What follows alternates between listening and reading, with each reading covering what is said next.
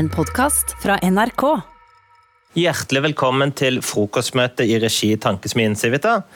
Pga. situasjonen med koronaviruset så vil arrangementet bli livestreama uten fysisk publikum til stede.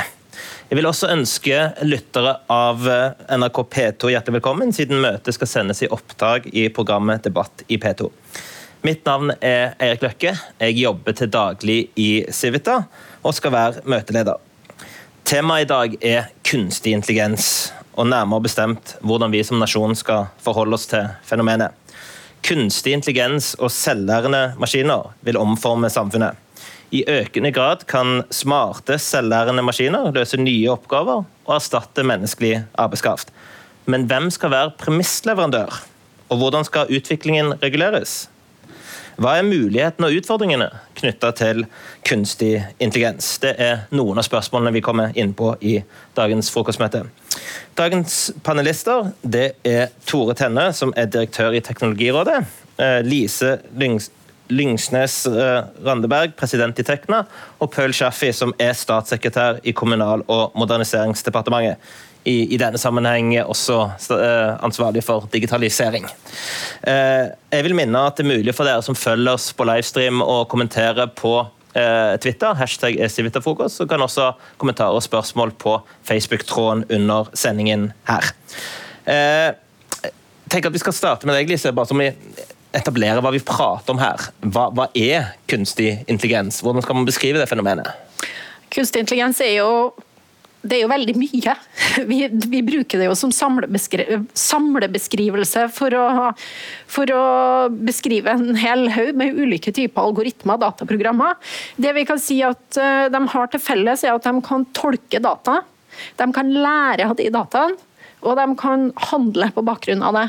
Eller foreslå en handling på bakgrunn av det. Så det er egentlig verktøy for å analysere store datamengder, som eh, kan lære seg mønster i dataen, og så ut ifra det komme til en konklusjon. da eller en handling. Og Det brukes jo i veldig mange sammenhenger. Det første på en måte, anvendelsen var jo mest for at det var kult. Og det var jo sjakk eller eh, Go, som hadde kinesiske spill her. Så det var rett og slett bare for å se klarer man å løse komplekse spill. Og så har man jo gått videre. Man, eh, bildegjenkjenning. Eh, hvordan vet du at det er en hund på et bilde og ikke en katt? Det kan en algoritme svare deg på. Hvis du har gitt algoritmen nok bilder av hunder, så kjenner den igjen en hund. Eh, du har oversettere. Google oversetter f.eks. Bruker også den typen algoritmer. Førerløse biler. Assistenter.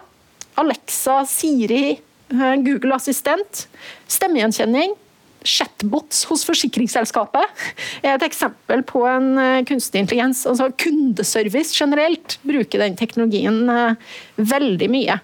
Etter hvert så, så kommer det også inn på mer avanserte anvendelser, som f.eks. naturlig språk. Å kunne kjenne igjen språk. Det å kunne føre en diskusjon, forstå en video. Altså Der er jo litt Eh, der man utvikler ny teknologi nå.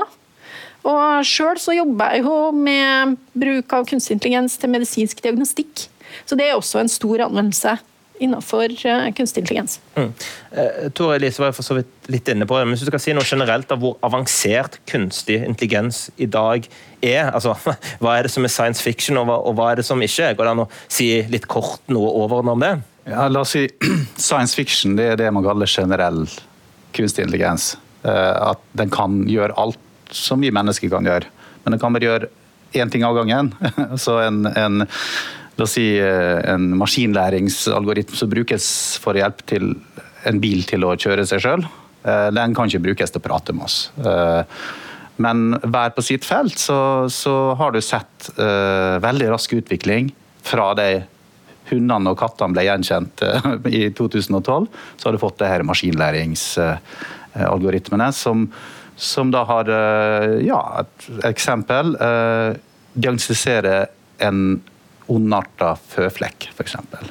Så da, da tok forskere ved Stanford ga eh, datamaskinene mange hundre tusen eh, merker føflekker eller bilder av det, og så lærte da denne algoritmen seg å kjenne igjen kunstig intelligens. Og det er jo ting som altså kjenne igjen kreften. Og det her er ting som vi tenkte aldri om maskiner kommer til å klare å gjøre.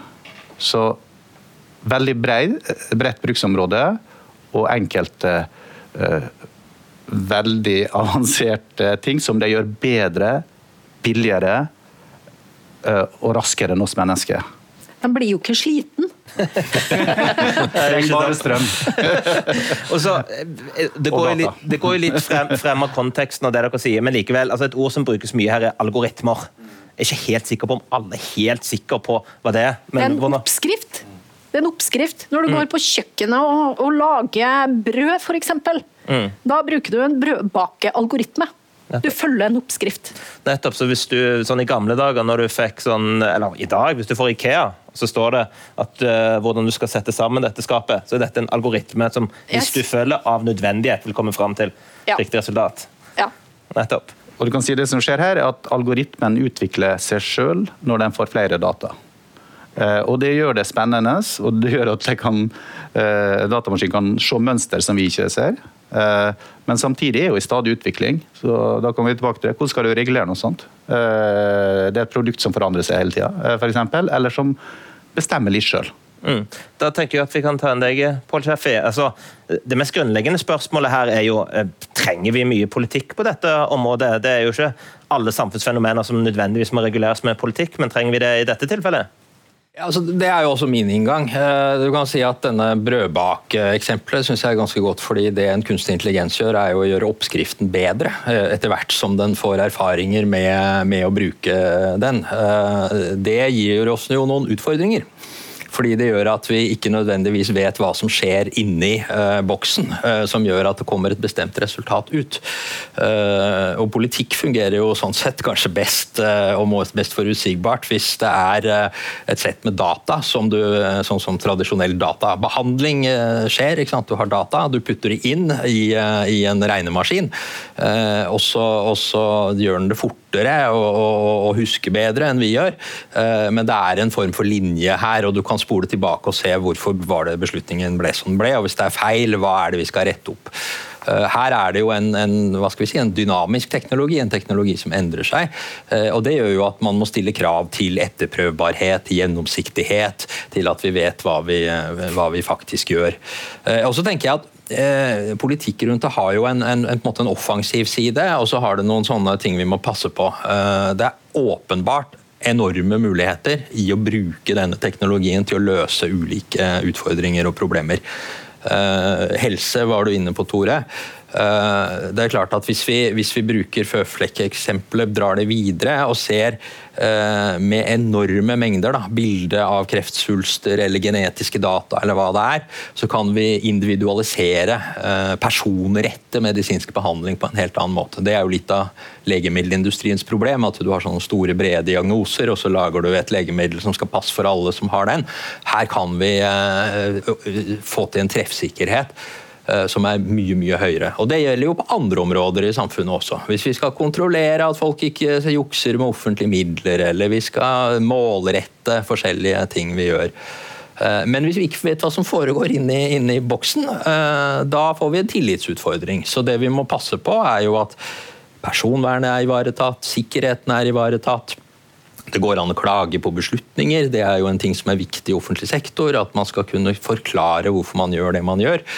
Uh, og det, det, det, krever jo at vi rammer det inn. Da. Det, det er jo noe av grunnen til at, at, det er mye snakk om etikk også i, i, i, diskusjonen om kunstig intelligens. For det er ikke bare det å lovregulere det er lov og det er ikke lov, uh, men vi utforsker noen sånne gråsoner hvor, hvor, vi må ta stilling, vi må balansere ulike hensyn opp mot hverandre, og som samfunn ha meninger om uh, det er gode eller mindre gode anvendelsesområder. Mm. Tore? Ja, ikke sant? Du har svartboksproblemet, og så har du det problemet med skeive data, eller det, altså data som er fordomsfulle. Så hvis du skal lage en og det har jeg forsøkt, eh, lage en eh, algoritme for å rekruttere folk til jobb, eh, så vil den da se på historiske data for å lære. Og da vil du fort komme i en situasjon der programmet reproduserer de skjevhetene og den diskrimineringa, den ulikheten som var. Så algoritmer er aldri nøytrale?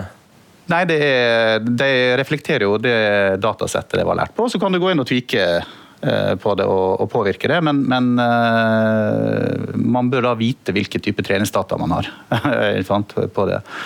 Og så handler det jo om makt, selvsagt. Så hvis det er noen som kontrollerer og uh, utviklinga av veldig kraftige algoritmer som fungerer mye bedre enn andre typer programvare, Eh, så vil du få makt på ulike måter. Markedsmakt, monopoler, eh, eller eh, påvirke valg, f.eks. Så, så her står det en del på spill, rett og slett, som politikken naturlig nok interesserer seg for. Mm, Lise? Ja, altså det er jo det touches på noe ganske spennende her, og det er elementet forklarbarhet. Og nå fikk vi jo GDPR, Eh, for å ivareta personvern osv. En del av GDPR er jo faktisk også et krav om forklarbarhet. Du skal kunne få en forklaring på en algoritmisk avgjørelse. Du har rett på det, faktisk. Og et av de aller hotteste forskningsområdene innenfor kunstig intelligens akkurat nå, det er jo faktisk forklarbarhet. Hvordan kan man få algoritmene til å forklare seg sjøl? Mm. Forklare hva de gjør underveis, sånn at vi klarer å tolke resultatet, sånn at vi kan lage klageordninger. Eh, og sånn at vi faktisk kan forstå det. Hvis du tenker deg en lege da, mm. som skal bruke en kunstig intelligens, den legen skal kunne forklare resultatet, altså diagnosen, til sin pasient, eh, til sine kollegaer, til sin sjef som sitter på pengene. Eh, det er ekstreme krav til forklarbarhet. og krevende å bruke svartboksløsninger. Og Det oppdager man på flere og flere områder. Medisin er eksempel. Offentlig forvaltning er ett eksempel. Samtidig så, så, kan vi jo si at i offentlig forvaltning, da, tenk på Nav f.eks kan jo ha kjempegevinster av å innføre bruk av kunstig intelligens på enkeltområder. Du vil jo alltid få en eh, rettferdig beslutning. Den vil alltid følge algoritmen, men eh, den kan nok oppfattes som litt firkanta av og til. Mm. Og Da er det jo også det elementet med skjønn. Mm. Det er Mange som sier min jobb kan ikke erstattes av kunstig intelligens fordi den er basert på skjønn. Mm. Men hvis vi tenker oss litt om, hva er egentlig skjønn? Jo, skjønn er erfaringsbaserte avgjørelser. Eh, og Det er datamaskiner ganske god på. Så akkurat nå er vi i en situasjon hvor kunstig intelligens er beslutningsstøtte. Er menneske og sammen som fatter beslutninger. Men vi går jo mot en fremtid der faktisk algoritmen også vil utøve skjønn. Og Det er da vi begynner å trenge regulering og regler og innsyn og forklarbarhet. Mm. Eh, så, hvis, så, hvis, jeg skjønner dette riktig, så er det sånn at uh, du kan få et, et, et, godt svar fra en maskin, men det er ikke gitt at den maskinen forklarer begrunnelsen for akkurat uh, den, den, beslutningen. Og det er ikke nødvendigvis slik at de smarteste teknologene heller skjønner hvorfor maskinen nettopp har kommet fram til den konklusjonen. Nei, fordi den lager sine egne regler for hvor, hvordan den sorterer datamaterialet. Mm. Og Det er jo hele trikset her. At vi ikke forteller reglene. De enkleste formene for maskinlæring, der sier vi til maskinen ok, her er data, her er regelsettet du skal bruke, finn ut hva svaret er. Mm. Eh, mens i de mer avanserte typene kunstig intelligens, så har du på en måte flere lag med beslutninger, og de er ganske komplekse. Og de er ikke direkte avhengige av hverandre, det er ikke lineært lenger. Mm. Eh, og da blir det vanskelig å få det transparent og gjennomsiktig og enkelt å forklare. da. Mm. For vi vet ikke hva reglene er på lag tre og lag fire. Mm. Det vet bare maskiner. Han sier at uh, med maskinlæring så lærer maskiner som barn, ikke som voksne. Du får ikke en beskjed å gjøre sånn og sånn. Du lærer av erfaring. Ops, det var litt varmt der. Da tar ikke jeg fingeren ditt lenger. Ja, men De bruker faktisk det som inspirasjon for å lage nye algoritmer. At de ser på hvordan barn lærer. Nettopp. Og prøver å lære datamaskiner å lære på samme måte. Og så prøver de å kopiere menneskelig bevissthet til menneskelig hjerne, da? Det er i hvert fall det som er utgangspunktet. Modellen er jo nevrale nett. Nevrale nett snakker man om. Men, men, men, samtidig tenker jeg at det, det er jo, det er jo uh, altså, Vi må ikke framstille det tror jeg, som at maskinene da går fra å være stokk dumme til å bli menneskelignende. Det er i hvert fall veldig langt fram i tid. Det er mye mennesker vil være bedre enn maskiner til å gjøre når det gjelder vurderingsevne, når det gjelder etikk og moral, når det gjelder, gjelder mye i samfunnet. Så det, det er jo denne balansegangen mellom hva maskinene gjør Jeg tror jo vi, i mange sammenhenger vil det være verktøy som gjør at vi tar bedre beslutninger, og ikke ting som tar egne beslutninger. Men så er det jo en, en, en form for bevegelse her i samfunnet hvor og som har med vår tillit mer enn teknologien i seg selv å gjøre. Altså, tenk, på, tenk på autopiloter på fly. Eh, jeg tror Da den teknologien kom, så var det veldig mange som ikke ville stole på at en maskin skulle greie å lande fly eh, på egen hånd. Du måtte ha et menneske som gjorde det, også i beste fall kanskje når det var oppe i lufta. Eh, I dag er det nok sånn at hvis det skjer en ulykke og, og piloten har skrudd av autopiloten, så vil spørsmålet være fra kommisjonen som skal undersøke det, hvorfor skrudde du av, av teknologien?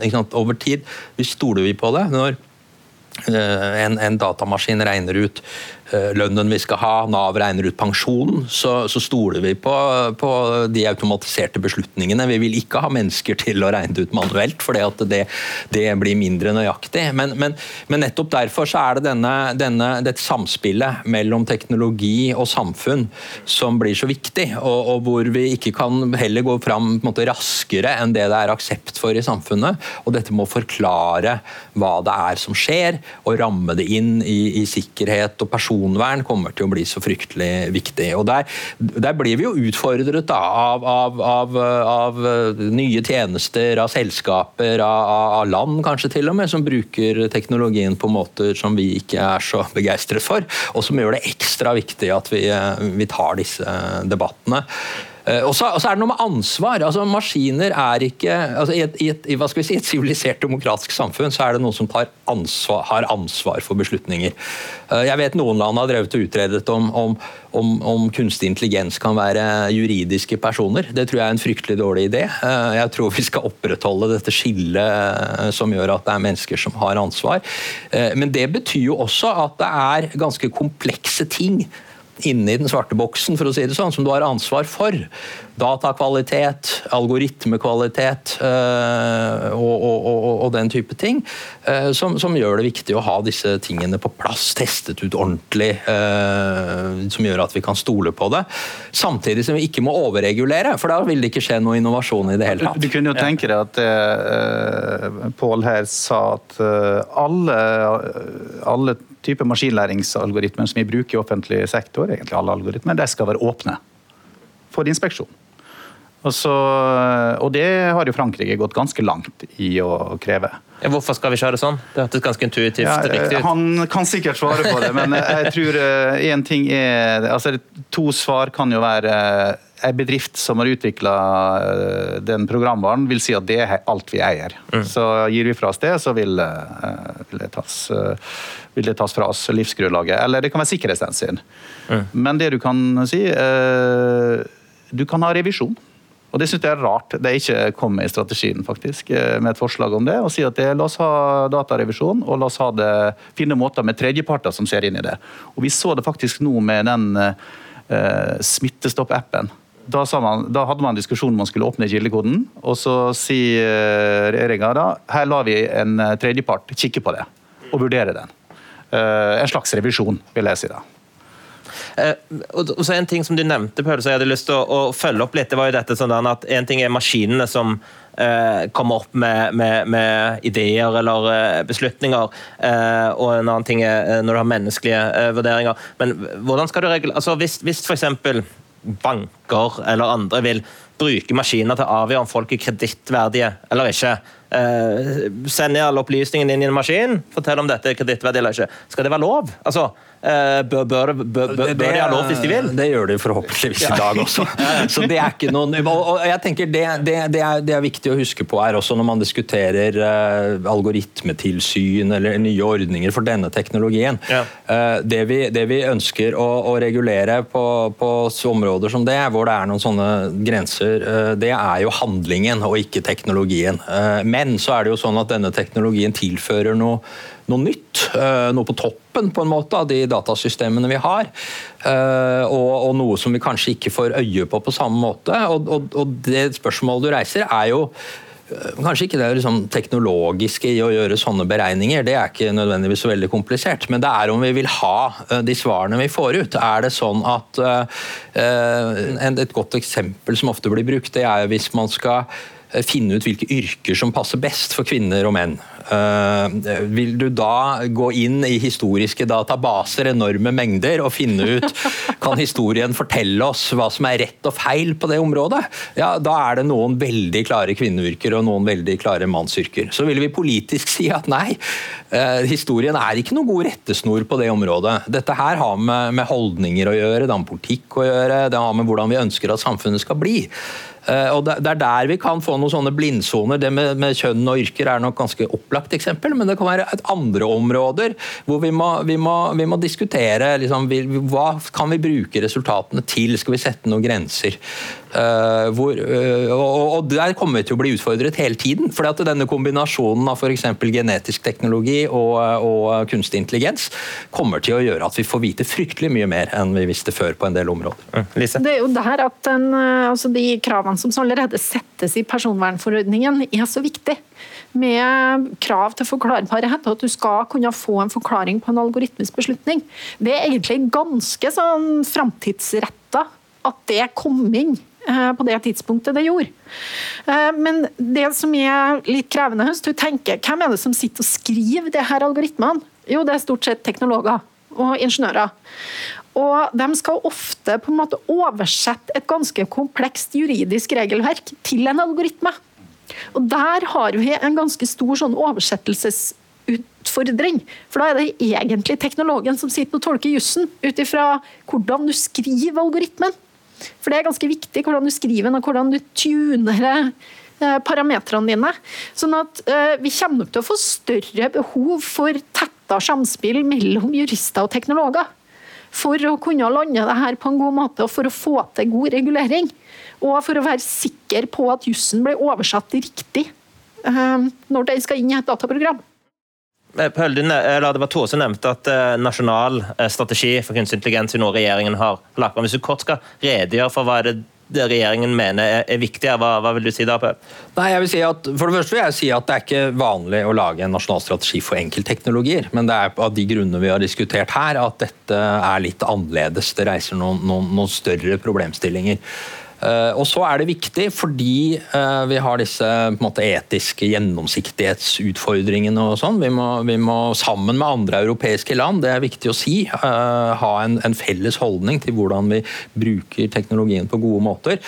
Men så har vi jo alle de tingene vi heldigvis vanligvis diskuterer også. Hvordan skal vi, skal vi innrette forskningen sånn at vi blir gode på dette? Hvordan skal vi satse på utdanning. Eh, ikke bare ha uh, sånne spisskompetansemennesker som er veldig gode på algoritmer, men hvordan får vi forståelsen av dette inn i andre yrker og, og, og, sektorer. For det er noe sannsynligvis der det kommer til å bli brukt eh, mest. I, i, i helsesektoren, i samferdselssektoren med selvkjørende, autonome kjøretøyer.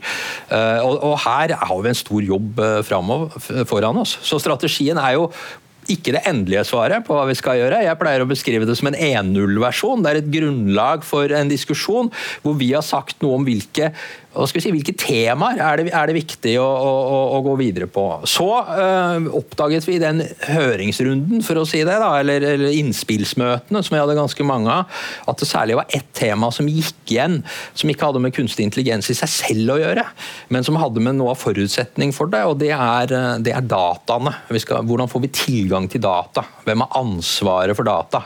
Hvordan får vi data til å spille sammen på bedre måter uten at det går utover sikkerhet og personvern?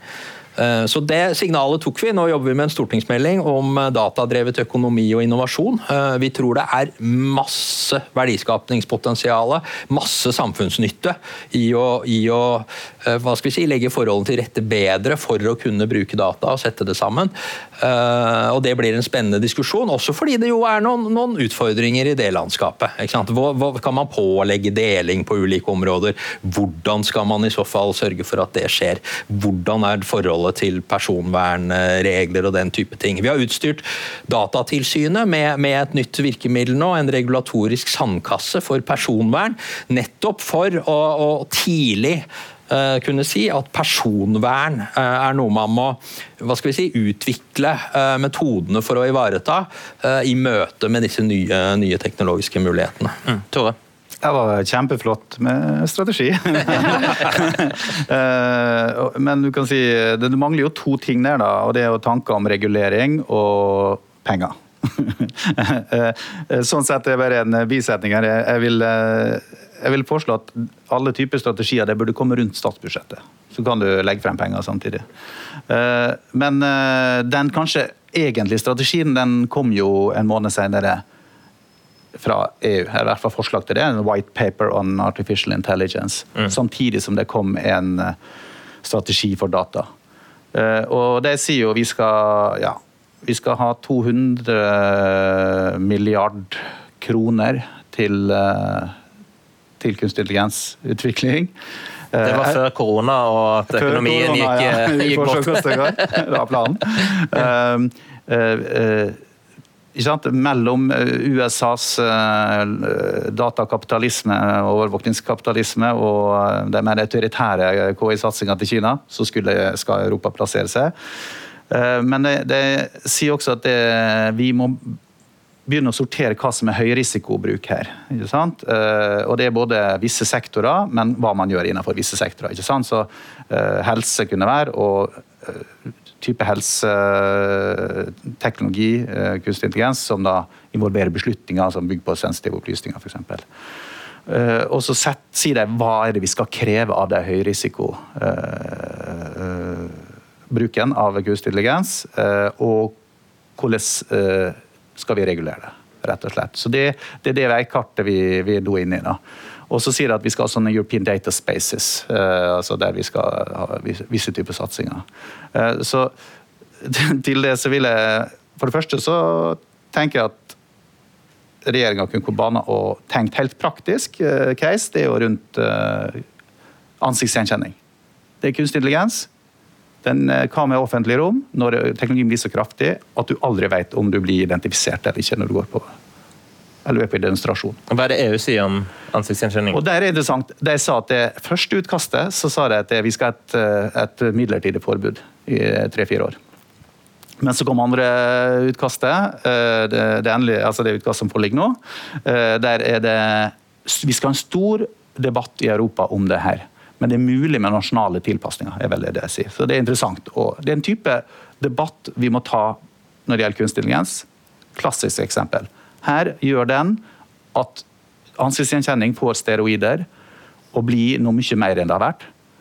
Og det begynner å gå på Altså en, jeg vil tro at det får en veldig sterk nedkjølingseffekt hvis vi hvor som helst i byen må bare forutsette at her blir vi identifisert. Kan du tenke at det hadde vært enklere for amerikansk politi å håndtere alle disse opptøyene hvis de hadde brukt det her?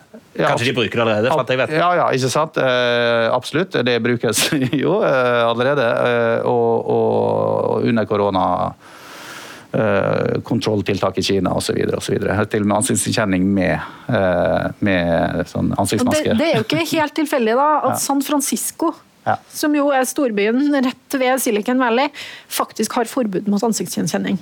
Ja. De innførte det tidlig. Veldig liberal by, San Francisco også. Ja, De har vært eh, ganske konsekvent på det. Og det, det, er jo klart det blir jo en utfordring. Når, altså Du er vant til at nøkkelen din den kan du ha i lomma, passordet ditt det har du i hodet. Men biometrien din, altså ansiktet ditt, det bærer du på utsida. Du kan, du, kan eh, du legge... kan, ikke velge hvem du skal dele det med. Du kan ikke legge igjen ansiktet igjen? Nei, du kan ikke. Eh, sånn at eh, du kan ikke velge sjøl om du vil bli identifisert eller ikke. Og det er ganske krevende i denne sammenhengen.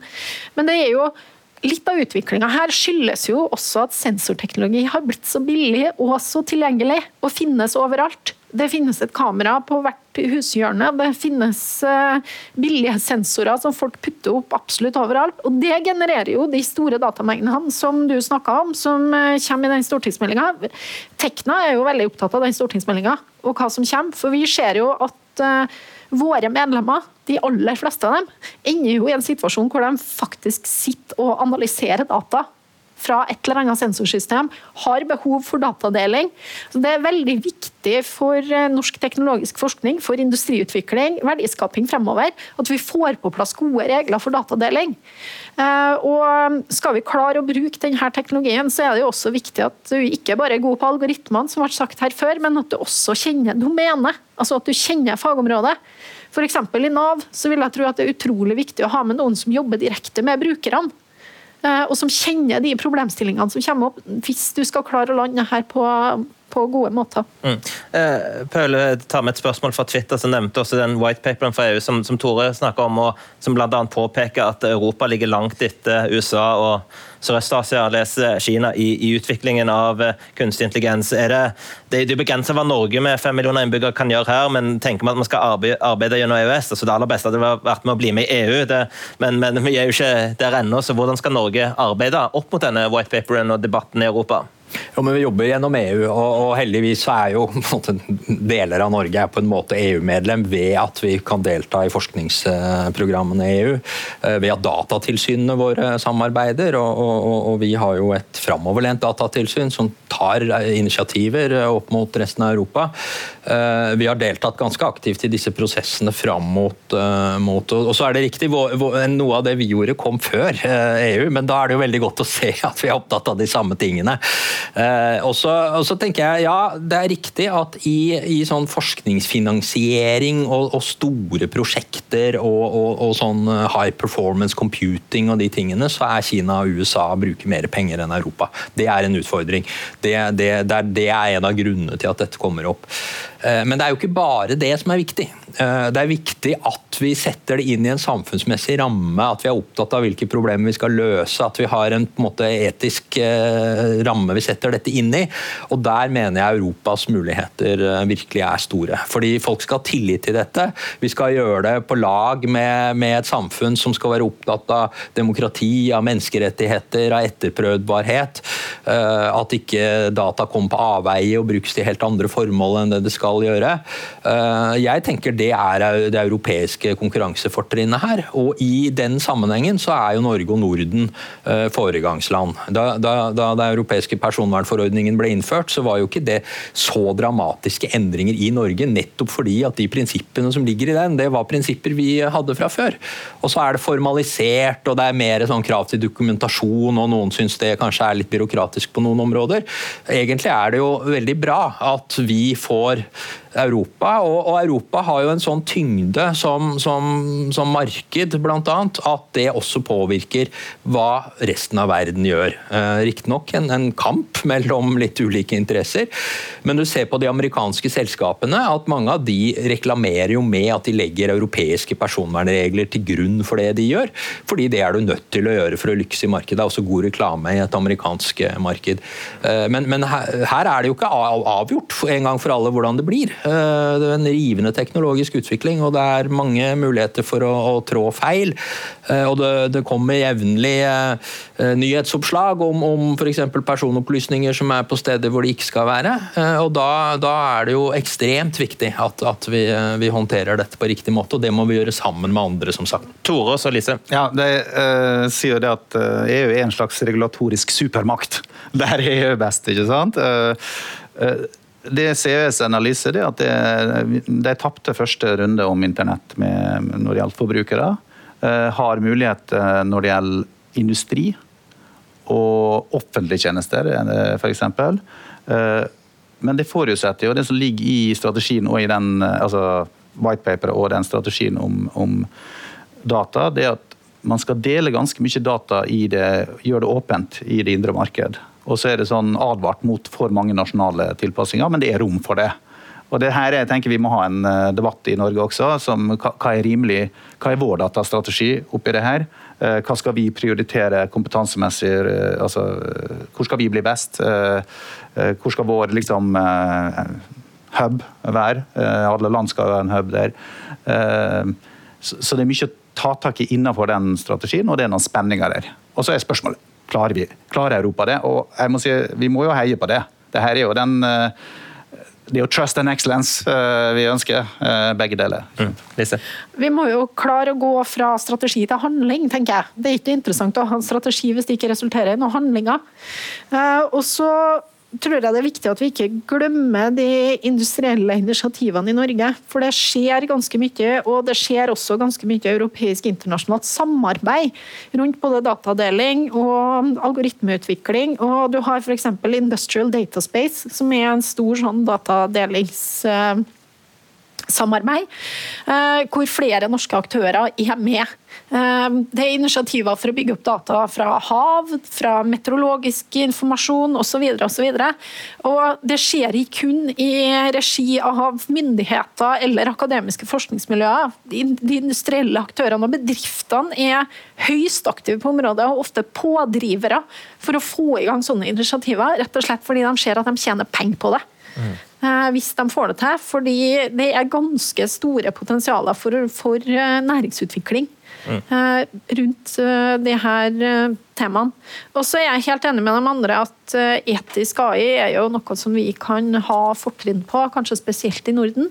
Og så er det noen som sier ja, men det er bare et buzzword. Men da må vi jo klare å fylle det buzzwordet med innhold. Og det blir jo vår jobb.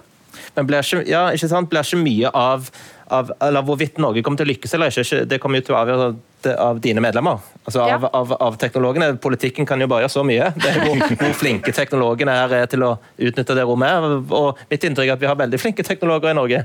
Vi har veldig gode teknologer i Norge. og De er kreative og de er løsningsorientert og gode på å løse problemer. Eh, det som er viktig, er jo da at vi får oppgradert alle til samme kompetansenivå. Vi har jo et stort behov for et kompetanseløft. En ting er hva vi gjør med utdanningene, er dem som er på universitetene. Eh, og utdanne dem på best mulig måte, men vi trenger også etter- og videreutdanne dem som allerede er i jobb. Eh, hvis du tok en mastergrad på 90-tallet, så er det ikke helt sikkert at du er fullstendig skjerpa på alt det nye innenfor kunstig intelligens. Det kan hende at du må lære deg nye ting. Da må vi til kan, legge til rette for at du kan få den typen kompetanseheving mens du er i jobb. Mm. Og det vi ser, Hvis du ser på utenlandske aktører som tilbyr eh, digital opplæring, så de lager også statistikk per land. Og noen av de store leverandørene så er det kunstig intelligens og maskinlæring som skiller seg ut for Norge. Det er det flest norske eh, som henter informasjon derfra, velger å ta kurs på. Og Det tyder jo på at folk faktisk er fremoverlent og har lyst til å bruke denne teknologien. Jeg har oppfattet det som at eh, teknologene er superklare. Men eh, samtidig så tror jeg ikke vi må få lov å styre det her helt alene. Eh, det har vi jo sett skadevirkningene av før, hvis du slipper løs teknologer. Vi syns det er kult å få til ting fordi det går an. Og, og si ofte 'la oss se om vi får det til', da uten å egentlig tenke på konsekvensene. Så der eh, må det jo være et samspill med andre kompetansegrupper i samfunnet, mm. og også politikere. Ja, ja Paul, du, du, var jo for så vidt inne på det tidligere, at vi må jo ikke overregulere det her heller. og det kan jo være noen som tenker at eh, Du nevnte at det var fortrinnet til Europa, for så vidt Norge, at vi er gode på personvern, butikk osv. Men kan ikke ende opp med verdens beste personvernsystem, og så foregår all utvikling i Kina og, og USA? Jo, det, det, det, er jo en fare for det. At vi, vi, vi blir så redd da, for ny teknologi at eh, vi, vi overregulerer eller, eller, gjør rammebetingelsene umulig for å få til noe i praksis. Jeg er ikke kjemperedd for det. Jeg, jeg må si at man ser hva, for En ting er jo ingeniøren og kompetansen, og, og vi har noen flate strukturer som gjør at vi også tror jeg har noen fordeler i måten innovasjon foregår. Eh, og så har vi jo veldig nysgjerrige forbrukere. Eh, sånn at det er jo, eh, det er jo så, og, og, og, folk har jo relativt god råd sammenlignet med mange andre land. En god, god nettverksinfrastruktur som gjør at bruken av digitale tjenester og apper og, og sånn er, er, veldig høy i Norge. Det har vi sett under krisen nå også, hvordan mange har snudd seg rundt. Vi har vært veldig bekymret må jeg si, en periode for at, eh, at eh, om nettene skulle tåle den nye type belastninger vi har fått. og Det, det har jo heldigvis gått veldig bra. Eh, og, og minnet oss på at det å være langt framme på disse områdene sannsynligvis er noe av det viktigste vi kan gjøre for å være rustet i, i, i den type situasjoner vi er i. Eh, men, men så, vi må ikke bli for selvtilfredse heller. Eh, jeg tenker at eh, det å, det å, det å både, både utdanne, lære opp Nå har vi jo i samarbeid med NTNU laget et, et, et sånn etter- og videreutdanningskurs i kunstig intelligens, Elements of AI, oversatt fra finsk, hvor vi har litt konkurranse mellom virksomheter. Eller oversatt fra engelsk, men, men et finsk initiativ. Nå er det på norsk. Litt konkurranse mellom virksomheter om å få mange ansatte til å ta det. Jeg vil si at Timingen der har vært relativt god når det gjelder eh, at folk har behov for å, for å bruke tiden på eh, en del sånne ting også. Så, så ja, eh, vi, vi, vi, vi, har noen gode utgangspunkt. Og så har vi noen utfordringer knyttet til at vi vi, eh, vi, har for få som tar teknologiutdanninger og, og, og, realfagsutdanninger. Det er jo selv om det skal eh, være mange humanister som skal hjelpe til i dette, og politikere forhåpentligvis også, så, så, så trenger du selvfølgelig også en del som kan mer sånn hardcore teknologi oppi det hele. Mm. Og så må vi drive opplæring. Altså, vi, vi, vi, vi, er jo et samfunn hvor, med høy tillit og korte avstander, og sånn som jeg nevnte. Det gjør jo også at vi kan risikere å bli litt naive i noen noen sammenhenger, og ikke erkjenne at det er noen der ute som vil oss vondt, eh, og ikke forstå måte, de, de, negative og litt farligere sidene av dette. Så det å, det, å, det å, tydeliggjøre at det er eh, noen sikkerhetstrusler og det er ikke alle som vil oss godt, kommer til å også være viktig framover. Ja, Tore, bare et spørsmål med på veien, ja, så skal du ja. få si akkurat hva du vil. for det, det er litt sånn derne, uh, dette med, Vi var inne på betydningen av data, hvor mye data har for å lære osv. Og, og Hvis det er utgangspunktet eller en viktig premiss for hvem som kommer til å dominere kunstig intelligens, fremme, så har jo Kina en kjempefordel med sitt social credit-system, hvor de nærmest pålegger en milliard mennesker å levere data daglig. Eh, det, da, da, hvis du ser inn i horisonten, der, så er det jo fort Kina som med sitt autoritære styresett så kan bli mange, mye av premissleverandøren for hvordan dette utvikler seg. Hvor farlig er det? Ja, Det er skummelt. Uh, og du kan si, uh, hvis du ser på Kina, det er ikke bare at det er mye data og autoritært styresett. Det har også et veldig darwinistisk marked. Det knaller konkurranse. Det er verre enn USA. ikke sant? Eh, for i USA har du stort sett monopoler som har etablert seg nå. men hvis altså hvis du har et regime som da er opptatt av harmoni, eller av at ting ikke skal, at det skal være minst mulig friksjon, så er det her muligheten til å bruke data, algoritmer, eh, nudge, overvåke, sensurere i en helt annen skala enn før. Eh, så det er klart det er skummelt. Og det er ikke bare at det er mer data i Kina og mindre personvern, for så vidt. Det er også langt mer, har vært langt mer venturekapital. 8000 inkubatorer og en nasjonal strategi som er veldig ambisiøs. Det er verdensherredømme innen 2030 eh, og flere steg på veien. Eh, mens eh, amerikanerne ikke har hatt en strategi. De har jo hatt verdens største selskap, de har verdens beste utviklere. Og så ser du nå, for å ta den diskusjonen, om, om du er, er det økonomisk bærekraftig eller er det politisk bærekraftig, det amerikanerne har gjort. For det har stått på kanten av en sånn tech-clash. Og det, det diskuteres en del regulering av av de store selskapene som har fått, uh, fått relativt fritt leide der. Uh, men nå med koronakrisa så, så stoppa det opp. Og nå er Amazon og Google og Facebook, uh, for så vidt Netflix, større enn noensinne.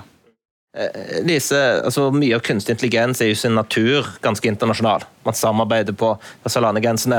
Um, hva tenker du om den utfordringen som Kina, Kina utgjør? Skal man være forsiktig med å samarbeide med, med kinesere? Det går jo, pågår jo en debatt der òg om vital infrastruktur. Dette, det, det, det, er mye å ta tak i, det er mye å være bekymra for. Det, det, er klart uh, grunn til å bli mørkredd, for å si det sånn.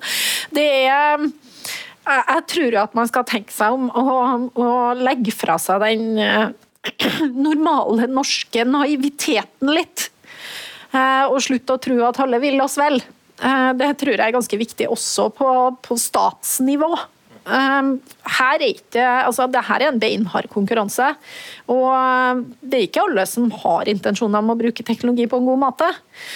Så kan jo si Kina bruker masse ressurser, samler inn mye data, lager strukturer og systemer for total overvåking.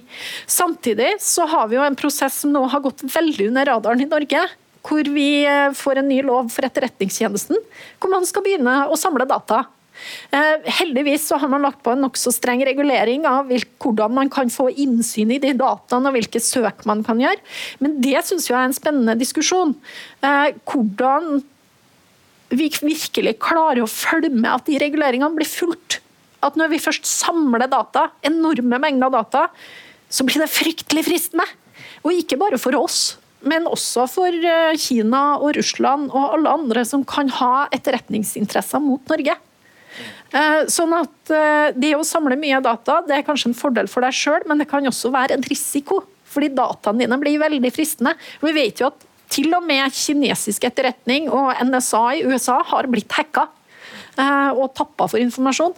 Mm. Sånn at uh, man skal være litt forsiktig og se seg litt ekstra over skuldra mm. uh, i disse dager. Det er ikke alle som har bare gode intensjoner. Mm. Og jeg tenker, Det har ikke vi diskutert her nå, men tenk på muligheten for autonome våpensystemer, f.eks. Altså, det er jo et område hvor det virkelig er behov for overnasjonal regulering, og hvor Norge kunne ha vært et foregangsland og virkelig prøvd å få til et forbud mot det. Eh, for når du distanserer dreping fra mennesket, da begynner det virkelig å bli skummelt. Ja. Algoritmer for hvem som skal leve og hvem som skal dø. Det... Ja, det, da begynner jeg å få problemer. Ja, det er jo veldig mange tilleggsdebatter vi kunne hatt eh, lange seminar om, som vi kanskje også komme til, tilbake til. Men um, vi går, går, litt mot slutten, Pøl, og jeg bare lytt, helt på slutten være litt mer på sånn, ja, kall det positiv, uh, positiv tilnærming. Og, kan du si litt om hva, hva du tenker at uh, kunstig intelligens kan løse? Altså, det er så mye fokus, med god grunn, på de tingene vi har diskutert med Kina, med jobless growth, at nå kommer alle til å miste jobben osv. Og, så og det kommer sikkert til å skje mye, uh, mye, mye endringer i jobbmarkedet også. Men, men, hva tenker man litt overordnet at, at kunstig intelligens kan løse? Det er jo så masse som kan bidra til å gjøre livene våre bedre. Jeg tror for det første at det er viktig å ikke ha det som en sånn science fiction-debatt. At dette er noe som ligger langt fram i tid. Det, det, skjer nå. Det er med på å løse konkrete ting. Noen av de mest praktiske anvendelser er sånn kontrollbehov som myndighetene har for å, for å, øke treffsikkerheten til de som skal avsløre juks med offentlige midler, f.eks. Hvis man har et verktøy som gir støtte som gjør at du slipper liksom å lete etter nåla i høystakken eh, på samme måte som i dag, men, men dobler treffsikkerheten, f.eks., så kan det spare samfunnet for masse ressurser som vi kan bruke på andre ting. Helse. Eh, kreftforskning er nevnt allerede. Det å individualisere personer etter medisinsk behandling, bedre liv og helse, unngå behandlinger som er skadelige for, eh, for eh, pasientene, som jo noen behandlinger er, hvis de ikke måte, tar hensyn til individuelle ting. Så, så, så dette er, er noe som, som er i gang. Eh, det er litt som hva er det de kaller det, Gartners hype cycle, at nye teknologier er veldig hypa før de kommer. Men, men, men nå er, tror jeg kanskje vi er i en fase hvor det på noen områder rett og slett er at dette er ikke, Du går ikke ut i butikken og kjøper kunstig intelligens. Det er noe som er innebygd i de verktøyene du, du omgir deg med, og du tenker kanskje ikke på at det er kunstig intelligens, men det du tenker på er at yes, dette er noe som øker treffsikkerheten, vi blir bedre, vi kan spare ressurser. Eh, og så er det kanskje sånn da, at Innenfor noen av de store utfordringene vi har som samfunn, med, med bærekraft, med klima, med, med, å utnytte energi og, og, og arealressurser og, og, matressurser og hva det nå er, bedre, så er dette teknologier som kan, kan hjelpe oss med å ikke sløse så mye, med å, å finne bedre løsninger ved å utnytte data på, på, på tvers av ulike områder. Eh, og på mange ulike nivåer. Jeg ser at eh, noen Yara sammen med noen internasjonale partnere samarbeider om, om jordbruksprosjekter i Afrika for å, for å, få værmeldinger og prediksjoner om hvordan, hvordan klima og vær blir framover ut til, til fattige bønder. Eh, så har du sånne kjempeavanserte prosjekter sant, med masse forskning innenfor helsesektoren. Så, så, så, kanskje blir det sånn om en stund at vi snakker ikke om kunstig intelligens som, som liksom én ting, men det, men det, er veldig mange forskjellige ting inni det som, eh, som stort sett eh, er positive, tror jeg. Tore? Ja, Du kan jo demokratisere ekspertkunnskap. Mm. Så alle, du får hjelp til å følge med på din egen sykdom, f.eks. ved hjelp av denne kunstig intelligensen, eller uh, algoritmene som er en slags uh, legehjelp. Da. Men, men, vi gjorde den øvelsen da Teknologirådet laga en rapport om uh, kunstig intelligens. Så sa vi ok, hvor, skulle, hvor, hvor, kan Norge satse? Ok, La oss se på der vi har behov og der vi har data. Da er det helse. jeg tror også vi må si offentlige tjenester. Nav er helt unikt. Så mange tjenester samla under ett. Kan vi gjøre det på en vettug måte som ikke river ned tilliten, og faktisk få, få bærekraftige og gode offentlige tjenester. Eh, energi, åpenbart. Eh, både å tømme oljefeltene, men kanskje ikke det vi skal prioritere. Men, eh, men utvikle fornybar energi, altså bruke mindre energi. Få mer ut av vindmøllene eller på så havturbinene. Og så det siste vi tenkte, det var havet. Der har vi store interesser og en del data. Og vi bør ha på mer. Og da vi ha, eh, så den kombinasjonen behov og data, satse der, kanskje peke ut noen satsinger hadde vært interessant om, om Pål eh, kunne gjort det. Eh, men på tvers av alle departementene osv. Lise? Vi kan eh, helt klart optimalisere både tjenester og energiproduksjon og ha ganske mange områder. Og bare det å spare tid Vi i Tekna har jo fått vår egen bot eh, som tar seg av utmeldinga om eh, Nå er det jo ikke så mange av dem i Tekna, men det fins! Og, og, da håndtere den boten det. Veldig, veldig praktisk. Da kan de folka på servicesenteret hos oss bruke tida si på å snakke med de medlemmene som fortsatt vil være hos oss. Eh, det har gjort at eh, de kan gi bedre service, og det tror jeg også du kan se i offentlige tjenester. Det blir mer tid til å være menneske. Eh, og så jobbes det jo nå med episodisk minne, med flytende samtaler, med sosial interaksjon. Alle disse tingene forskes det ganske heftig på. Og nå er vi på et stadium hvor vi ser at teknologien kan være kanskje en assistent for oss. Altså, ja, vi syns at eh, Google Assistant og Lexa er litt teit, men de blir jo bedre, da. Eh, nå svarer de jo faktisk riktig på når bussen går. Eh, men i neste runde så kan du tenke deg at det kan bli mer en coach og en veileder. Og en slags samarbeidspartner. Hvem kjenner deg bedre enn mobiltelefonen din? Den er med deg overalt, og den vet alt du gjør den må jo kunne ha et utgangspunkt for å kunne gi også gode råd. Mm. Kanskje en til og med kan eh, fortelle deg hvilket yrke du burde ha, ut ifra en eh, mer kvalifisert bakgrunn enn å se på historiske data. Sånn at eh, jeg tror det kommer til å bli mer sømløst. Mer støttefunksjoner, mer sånn at vi ikke tenker over at det er kunstig intelligens. Det er bare praktisk. Mm. Vi, vi, går mot slutten, her, så jeg tenker at alle kan få en 45 sekunder til å si eh, noe som ikke har blitt sagt. eventuelt. Hva tenker dere er det viktigste å ta med for denne debatten og den debatten vi skal ha med videre? Vi kan starte med deg, Tore. Det som eh, vi kommer til å se, at veldig mange arbeidsoppgaver blir endra for folk. Og Man snakker om at 850 000 eh, nordmenn vil få radikalt endra arbeidsoppgave pga. kunstig intelligens og pga. Altså roboter med kunstig intelligens. Da må vi kunne reorientere oss, lære noe nytt. Og Da tenker jeg da må vi bruke den teknologien også til en digital kompetansereform. Altså lage en, en, en strømmetjeneste for læring. Akkurat der tror jeg vi missa sjansen i den kompetansereformen som kom nå. Håper uh, vi kan fortsette å gjøre det neste runde, egentlig. Mm. Eh, Lise, du ser jo dette fra teknologene. Der kommer jo til å være mye av premissleverandørene. Hva tenker du er det viktigste vi skal ta med oss videre nå? at vi teknologer har et enormt stort ansvar for å sikre at dette blir gjort på en god måte.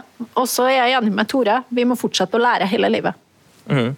Paul, du jo, representerer jo regjeringen. Der skal vi sette de overordna eh, premissene. Eh, hva tenker du er, er viktig å ta med inn i den politiske debatten? Jeg, jeg tror disse er inne på det. Vi, vi, må være nysgjerrige, vi må lære. Vi må, vi, må, vi må, sannsynligvis bli flinkere til å samarbeide på tvers av fagområder og sektorer og, og de, de måte, siloene vi, av og til graver oss ned i. fordi skal denne teknologien og det å ha datadrevet økonomi da, virkelig lykkes, eh, så må vi se etter nye muligheter. Jeg tror vi har fantastiske forutsetninger eh, for det. Men én eh, ting er å lage strategier og handlingsplaner og meldinger. Vi må, vi må faktisk gjøre det også.